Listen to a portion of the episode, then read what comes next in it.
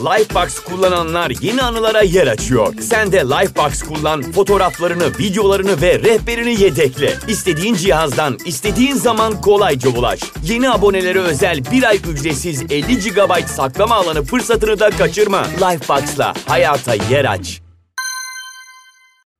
Merhabalar, ortamlarda satılacak bilgiye hoş geldiniz. Ben Merve. Bugün sizlere alışkanlıklar ve bunların gücünden bahsetmeye çalışacağım. Son 400 yılın en büyük zihinlerinin günlük rutinleri, alışkanlıkları neydi? Bunlardan bahsedeceğiz. Sonuç olarak şunu görmüş olacaksınız. Kendinizi bir projeye tümüyle adamak mı yoksa her günün küçük bir kısmını ona ayırmak mı daha iyi? Başarmayı istediğiniz şeyin tamamı için yeterli zaman yok gibi görünüyorsa ne yapmamız gerekiyor? Bir şeylerden işte uyku, para, temiz bir ev vesaire bunlardan vaz mı geçmemiz gerekiyor?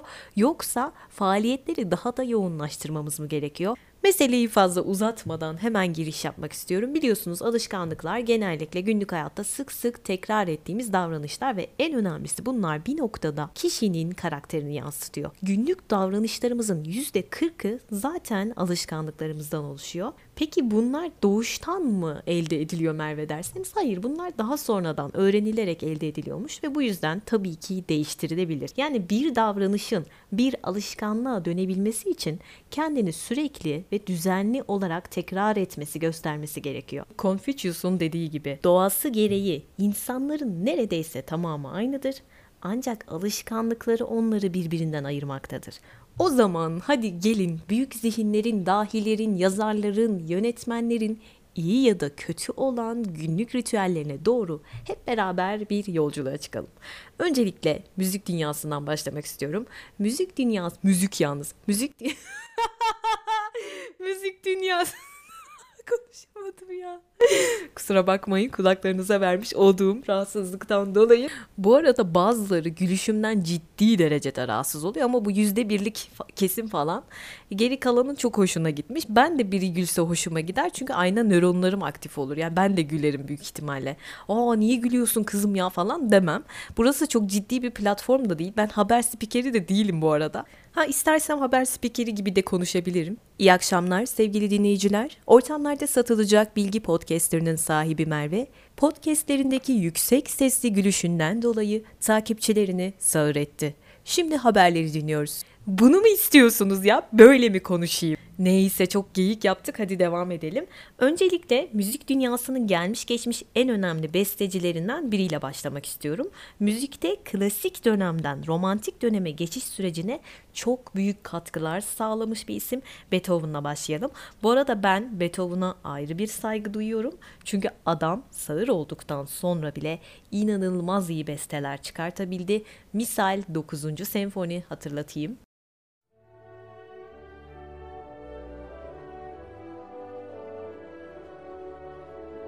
Evet en güçlü enstrümanı beyni olan bir adamdan bahsedeceğiz. Günlük ritüellerine şöyle bir bakacağız Beethoven'ın. Belki biraz obsesif gelecek söyleyeceğim ama her sabah güne çok erkenden başlıyor ve sadece kahve ile saat 2'ye 3'e kadar çalışıyormuş.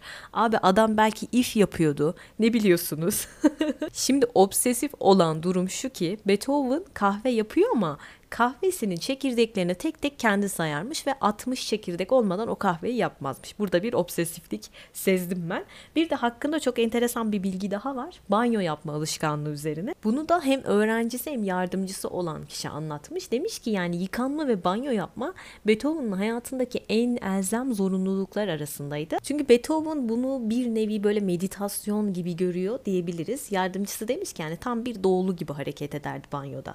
Çünkü onun düşüncesine hadisine göre Hazreti Muhammed bu belirlediği abdest sayısında hiç de aşırıya kaçmamıştı. Yani bir doğulu gibi abdest alıyormuş Beethoven. Gelelim bir başka önemli isme. Psikanalizin babası Sigmund Freud'a. Bu adamcağız olmasaydı belki bizi hala böyle 19. yüzyılda olduğu gibi psikolojik herhangi bir problemimiz olduğu zaman akıl hastanesinde falan kapatırlardı diye düşünüyorum. E, o dönemlerde şizofren erkekler hadım ediliyordu. Kadınlar da aynı şekilde cinselliklerine son veriliyordu. Neyse ki Freudcuğum çıktı geldi de kurtulduk. Onun için şunu söyleyebilirim. Tam bir bir işkolik yani durmadan çalışan, genelde böyle e, yemek yerken bile çalışan bir adammış zaten. Her sabah mutlaka 7'de kalkarmış ve 8'de zaten berberi gelirmiş eve. Hemen sakal tıraşı olurmuş. Her gün bakın her gün sakal tıraşı oluyor. Sonrasında çalışmaya başlarmış tıraş olduktan sonra.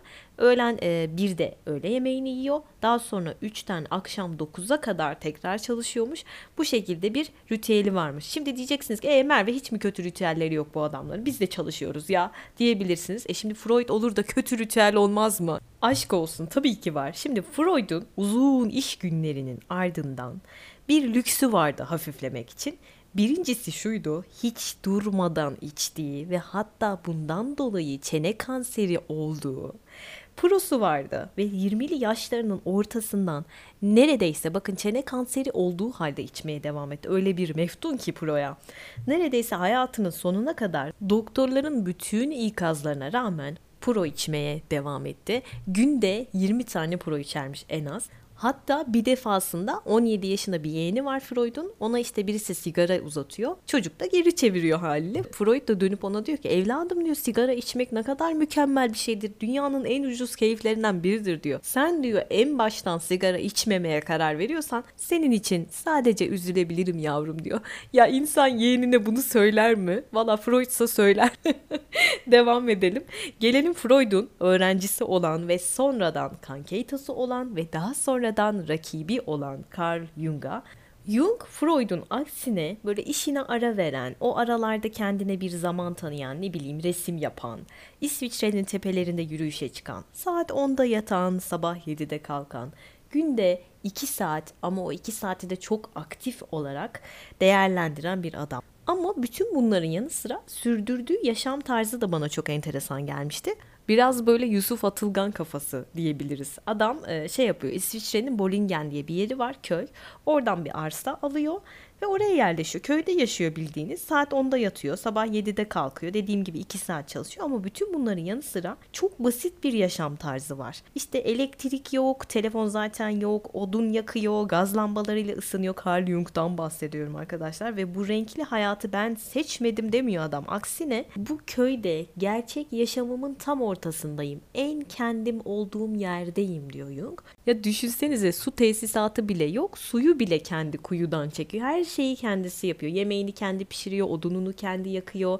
Ve demiş ki bu kadar basit işler basitleştiriyor insanı. Ve basit olmak o kadar zor ki demiş. Gerçekten çok zor bence de basit olmak. Burada hemen bir es verip bir dipnot atmak istiyorum. Freud'un diş macununu bile karısı sıkıyormuş. Karısı Marta. Bu arada karısına evlenmeden önce binlerce mektup yazmıştı Freud. Onu elde edebilmek için taklalar atmıştı. Ama evlendikten sonra onu hem baldızıyla aldattı hem de beğenmemeye başladı. Yahudi geleneklerinden dolayı. Hani meşhur bir caps var ya Freud'la ilgili. Yoğurmam yazıyor. Onu dediğinizi duyar gibiyim. Devam edelim. Gelelim edebiyat dehalarından Thomas Mann'a. Ee, ben en son Venedik'te Ölüm kitabını okumuştum ama çok beğendiğimi de söyleyemeyeceğim. Çünkü pedofilik ögeler barındırdığını düşünüyorum bu eserde. Zaten Man'ın böyle ardı arkası kesilmeyen up uzun cümlenin arasında kayboldum. Belki ondan sevmedi bilmiyorum ama ben Nabokov'un Lolita'sını da pek sevmemiştim. Da Nabokov demişken hemen bir dipnot atalım. Lolita'nın ilk taslağını Amerika'nın bir ucundan diğerine yaptığı yolculuk esnasında yazmış Nabokov. Zaten kitapta da hatırlarsanız sürekli bir yolculuk halindelerdi. Geceleri böyle park halindeki arabasının arka koltuğuna oturup yazarmış. Dönelim Thomas Mann'a. Thomas Mann Türkiye'de de çok sevilen bir yazar biliyorsunuz. Onun ritüeli de şu şu şekilde sabah 8'de uyanıyor, banyosunu yapıyor, kahvaltısını yapıyor. 9'da odasına bir kapanıyor ve öğlene kadar asla hiç kimseyle muhatap olmuyor. Çocuklar bile su, yani ses çıkaramaz yasak. Tolstoy gibi aynı öğlen yemeğini bile odasında yedikten sonra şöyle ufak bir ara veriyor işte dörde kadar falan. Gazete okuyor arada kitap okuyor. Ondan sonra gidiyor bir saat uyuyormuş. Ve bir saat uyuduktan sonra tabii ki o arada yine çocukların gürültü yapması yasak. Çok otoriter bir adammış ya evde.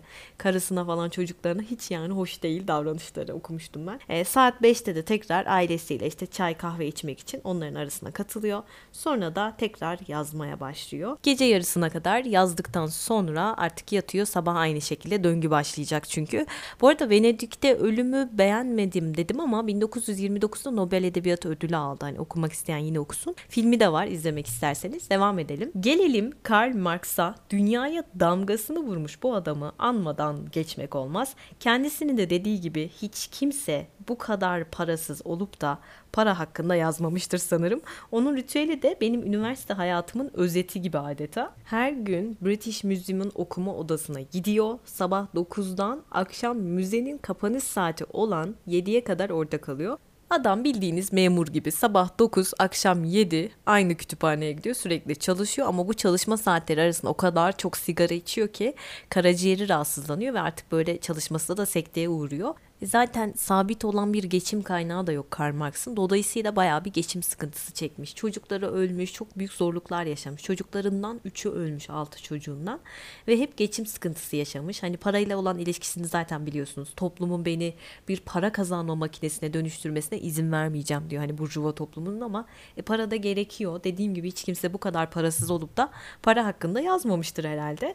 Ama Karl Marx hep de demiştir ki yani dünyaya bir daha gelsem yine aynı şeyi yapardım Sadece evlenmezdim demiş. Zaten evliliğinde çok büyük problemler yaşayan bir adam ve yoksulluk bir taraftan, çocuklarının ölümü bir taraftan, dava mücadelesi veriyor vesaire vesaire çok zorluklarla dolu bir hayatı olmuş. Zaten kendisi de demiş ya Eyüp gibi bir gün yüzü bile görmedim. Gerçi benim tanrı korkum yok ama demiş. İşte Karl Marx'ın ritüeli böyleydi. Sabah 9 akşam 7 kütüphanede çalışıyor. Tıpkı Victor Hugo gibi. Lifebox kullananlar yeni anılara yer açıyor. Sen de Lifebox kullan, fotoğraflarını, videolarını ve rehberini yedekle. İstediğin cihazdan, istediğin zaman kolayca ulaş. Yeni abonelere özel bir ay ücretsiz 50 GB saklama alanı fırsatını da kaçırma. Lifebox'la hayata yer aç. Şimdi de bir başka Nobel ödüllü yazar olan Ernest Hemingway'e bakacağız. Hemingway deyince aklıma direkt Zülfü Livaneli geliyor. Çok büyük hayranlıdır. Hatta yazın hayatına da onun eserleriyle başlamış diyebiliriz. Henüz hayattayken Ernest Hemingway yaşayan en iyi yazar olarak atfedilmiştir. Hemingway ile aklıma gelen her şeyi söylüyorum şu anda. Bir Küba belgeselinde izlemiştim. Orada Hemingway'i aşırı derecede çok seviyorlar. Kendi yazarları gibi görüyorlar. Hatta teknesini falan sergiliyorlardı. Hemingway'in bindiği tekneyi. Çünkü Hemingway çok uzun bir süre Küba'da yaşamış. Hatta Yaşlı Adam ve Denizci kitabı biliyorsunuzdur. Nobel ödüllü bir kitap. Okumadıysanız mutlaka okuyun. Aklıma gelmişken ondan hemen bir alıntı yapmak isterim. İnsan yenilmek için yaratılmadı. Ademoğlu mahvolur ama yenilmez demiş Hemingway Yaşlı Adam ve Denizci kitabında. Aklıma gelmişken çok sevdiğim filmlerden birisinde de Hemingway vardı. Onu da önermiş olayım. Paris'te bir gece yarısı. Büyük ihtimalle çoğunuz izlemişsinizdir ama izlemeyenler için bir tavsiye niteliğinde olsun. E madem bu filmi andık, onun yönetmeninin de günlük ritüellerinden bahsetmeden geçmeyelim. Yönetmen Woody Allen böyle odaklanamadığı zaman, çalışamadığı zaman buharı tüten çok sıcak bir banyoya girip altında böyle 40-45 dakika dururmuş, düşünürmüş. Hayatta en gıcık olduğum insan profillerinden biri suyu boşa akıtanlar. Böyle duşun altında 1-2 saat oturanlar boş boş ya da lavaboya yağ döken tipler. Bunlara gerçekten hiç tahammülüm yok. Ya ben en son Hemingway'e anlatmıyor muydum? Bu muhabbet ne zaman lavaboya yağ dökmeye geldi? Devam ediyorum. Hemingway hayatı boyunca depresyon, paranoya, alkolizm bunlarla boğuşmuş bir adam ve neticesinde de zaten dayanamayıp kafasına sıktı, intihar etti. Sanırım bu ıı, kalıtsal bir travma Hemingway ailesinde bu intihar olayı. Çünkü ailesinde kendinden önce intihar eden zaten 7 kişi daha var Picasso'nun olayları gibi. Neyse şimdi onun günlük ritüellerine bir bakalım neler yapıyormuş. Bir kere sabahın kör saatlerinde kargalarla beraber kalkarmış. Çünkü dermiş ki yani bu zaman içerisinde çıt çıkmıyor bir sessizlik hakim. Ben de aynı şekilde düşündüğüm için sabahın köründe kalkıyorum. Öğlene kadar yazı yazıyor aralıksız olarak ama Şöyle bir özelliği var. Tıpkı Virginia Woolf gibi ayakta yazıyor yazılarını. 6-7 saat ayakta yazı yazdığınızı düşünün. Herhalde bitap düşeriz ama Hemingway'in de yazma stili bu şekildeymiş. Madem sabah insanları dedik, Hemingway'den bahsettik. O zaman bir sabah insanıyla devam edelim. Haruki Murakami. Eğer hiç kitabını okumadıysanız mutlaka okumanız gerektiğini düşündüğüm yazarlardan birisi. Böyle büyülü gerçeklik seviyorum, fantastik kurguyu da seviyorum diyenler için baş tacı edilebilecek bir yazar. Ama tarzı herkese hitap etmeyebilir baştan söyleyeyim. Araştırmadan okumayın derim. Ben en son Sahilde Kafka kitabını okumuştum Murakami'nin. Oradan da çok sevdiğim bir alıntı yapmak istiyorum sizlere. Tam bana uygun bir alıntıdır bu. Asla aklımdan çıkmaz. Çünkü zaman anksiyetemin olduğunu biliyorsunuz. Ne kadar paranız olursa olsun zamanı satın alamazsınız diyor Murakami sahilde Kafkasında. Şimdi Murakami'nin günlük ritüellerine bakalım. O da çok erken saatlerde güne başlıyor. Sabah 4'te kalkıyor ve tek oturuşta 5-6 saat boyunca yazıyor. Öğleden sonra da asla aksatmadığı günlük yürüyüşlerini yapıyor. Tıpkı bizim Emre Kongar gibi. O da yıllardır böyle kar demez, çamur, yağmur hep yürür. Çünkü babasını genç yaşında kalp krizinden kaybettiği için bunun acısının aynısını çocuklarına yaşatmamak için doktora diyor ki ben ne yapabilirim sağlıklı yaşam için. O da her gün yürü demiş ona. O gün bugündür Emre Kongar hep yürür. Çok saygı duyduğum, sevgi duyduğum isimlerden Türkiye'nin en kıymetli isimlerinden birisidir Emre Kongar. Buradan da anmış olalım kendisini. Bu arada Murakami de böyle durup dururken ay çok sağlıklı yaşayayım, taşraya taşınayım, her gün koşu yapayım, hiçbir davete katılmayayım, sürekli yazı yazayım kafası yaşamamış. Tabii ki de hayatında bir dönüm noktası olmuş. Çünkü daha öncesinde bir caz kulübü işletiyormuş ve çok çok sağlıksız bir hayatı varmış. Sürekli kilo alıyor. Günde 60 tane falan sigara içiyormuş yani. Diyor ki artık ben bu alışkanlıklarımı değiştiriyorum. Karısına diyor ki kalk gidiyoruz taşraya. Ondan sonra da çok düzenli, çok sağlıklı beslenen, her gün yürüyüş yapan, gerekirse o sosyal davetleri bile kaçıran bir adam Murakami. Benim için diyor bu yaşam stilim daha önemli diyor. Böyle bir insan düzenli, tertipli yaşayan bir adam. Şimdi bir başka yazarla devam edeceğim ama en merak ettiklerinizden biri olduğuna o kadar eminim ki Franz Kafka. Kafka'nın çalışma stili bana her zaman çok tuhaf görünmüştür. Şöyle zaten sigortada çalıştığını biliyorsunuz. E, sabah 8'de işe gidiyor. O zamanlar öğlen 2-3 gibi işten çıkılıyormuş arkadaşlar enteresan. 2-3 gibi çıkıyor hemen hızlıca bir yemek yiyor. Sonra 3.30-4 gibi öğlen 3.30-4 gibi hemen vurup kafayı yatıyor. Şöyle 3 saat falan uyuduktan sonra akşam 7.30 gibi uyanıyormuş. Hemen camları açıyormuş. Bence bu işte soğuk şok uyguluyor kendisine bir anda kendine gelebilmek için ama bu camları açtıktan sonra da çırılçıplak soyunurmuş Kafka. Enteresan. E, çıplak bir şekilde egzersiz yapıyor 10 dakika boyunca. Daha sonra üstünü başını giyiyor. Artık giyiniyor mu bilmiyorum. Giyiniyordur herhalde. bir saat yürüyüş yapıyor ve eve geri dönüyor akşam yemeğini yiyor. Tam bir otomat değil mi anlattığım şeyler? Yazık ya adam yazmak için neler yapıyor. Ee, akşam yemeğini yiyor ve daha sonra yazmaya oturuyor. Yaklaşık gece 10'dan bazen sabaha kadar yazıyor. Bazen de gece yarısı 3'e kadar yazıp tekrar uyuyup o şekilde işe gidiyormuş. Bir de Felis diye bir arkadaşı var Kafka'nın. Ona yazdığı mektupta dedikleri benim çok hoşuma gitmişti. Gerçekten kulağımıza küpe olacak nitelikte bir sözlerdi. Demişti ki zaman kısa zaten. Benim direncim sınırlı biliyorsunuz hasta bir bedeni var Kafka'nın. Ofis deseniz kabus gibi. Evim gürültülü ve şayet benim yani keyifli, basit bir hayat sürebilmem mümkün değilse insan ustaca manevralarla kendine yer açmak zorunda kalıyor demişti. Yani eğer bir tutkunuz varsa bir hedefiniz onun peşinden gitmek için hayatınızda böyle yerler açmanız gerekiyor. Bir şeylerden fedakarlık yapmanız gerekiyor diyor Kafka. Kafka da işte hayat stilini böyle düzenlemiş. Eğer böyle düzenlemeseydi şu an bizim Kafka'dan haberimiz bile olmayacaktı. Büyük ihtimalle şöyle diyecekti. Ya vaktim yok lanet olsun işte iş hayatımda şöyle deyip yazı yazmayı bırakacaktı. Yalnız sunduğu bahaneler yani 1912 yılında bunları söylemiş Kafka. Şu anda 2022 yılındayız ve insanların bahaneleri aynı. Fark ettiniz mi? Evim işte çok gürültülü. Kabus gibi bir ofis hayatı yaşıyorum. E, hiç keyfim yok. Ondan sonra zaman deseniz zaten kısa. E, biraz da hastalığım var.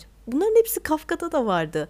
Lütfen böyle bahaneleriniz varsa bunun arkasına sığınmayın diye bunu anlattım. Hadi devam edelim. Şimdi Alman felsefesinin mihenk taşlarından biri olan Immanuel Kant'a bakacağız. Aşırı disipliner, aşırı otomat bir karakter inanamayacağınız kadar. Bütün hayatını Prusya'nın böyle ıssız bir ilinde yaşayarak geçirmiş. Onun dışına çok nadiren çıkmış bir adam. Hatta birkaç saat uzaklıktaki deniz kıyısına bile gitmemiş. Zaten müzmin bekar biliyorsunuz. 40 yıl yıldan uzun bir süre bölgedeki üniversitede ders veriyor. O kadar düzenli bir hayatı var ki gri bir paltosu varmış Kant'ın arkadaşlar. Bir de bastonu var İspanyol bastonu. Onu alırmış evden çıkarmış ve komşuları Kant'a bakarak saatin üç buçuk olduğunu bilirlermiş. O kadar dakik yaşayan bir adam. Yani böyle bir hayat tarzı, belirli bir tek düzelik var hayat tarzında. Bu sadece bir alışkanlık değil bence. Artık bunu ahlaki bir ilkeye dönüştürmüş Kant ve zaten 40 e, yaşından önce bazen böyle iskambil oynayarak gece yarısına kadar dışarıda kalırmış ama 40'ından sonra günlük rutinlerine istisnasız olarak uymuş. Zaten Kant'a göre bir insanın karakteri yani yıllara yayılan çeşitli deneyimlere dayanarak akla uygun biçimde seçtiği bir yaşam düzenleme biçimiydi ve gerçekten de 40 yaşına gelene kadar insanın gerçek anlamda bir karakter geliştiremeyeceğini düşünüyordu Kant. Belki de bundan dolayıdır 40'ından sonra asla düzeni sekmemiş hiçbir şekilde. Bir de yalnız yaşadığı için evde zaten bir hizmetlisi de var. Emekli asker. Cem Yılmaz'ın dediği gibi. Bu adam emir almış Kant'tan. Kant diyormuş ki benim kesinlikle fazla uyumama izin vermeyeceksin. Beni sabah 5'te yataktan kaldıracaksın her gün.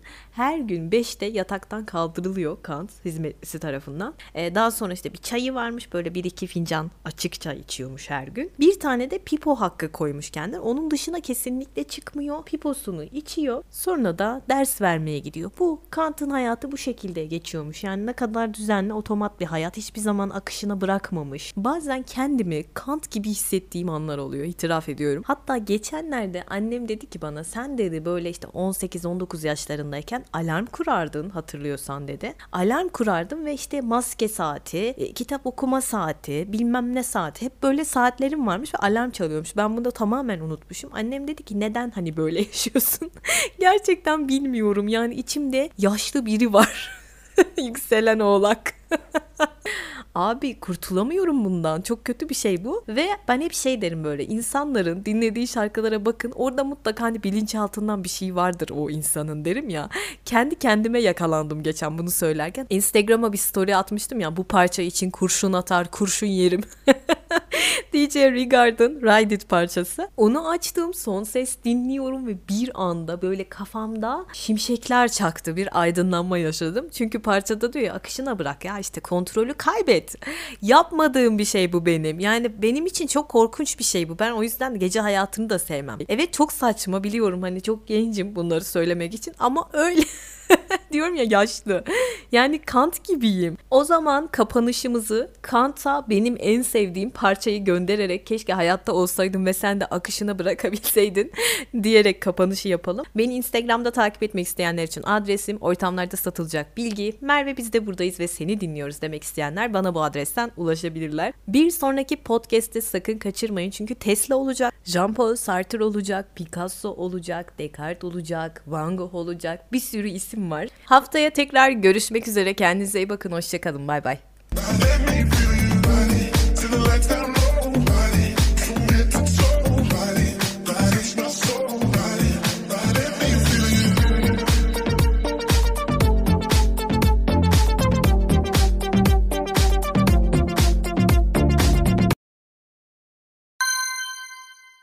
Lifebox kullananlar yeni anılara yer açıyor. Sen de Lifebox kullan, fotoğraflarını, videolarını ve rehberini yedekle. İstediğin cihazdan, istediğin zaman kolayca ulaş. Yeni abonelere özel bir ay ücretsiz 50 GB saklama alanı fırsatını da kaçırma. Lifebox'la hayata yer aç.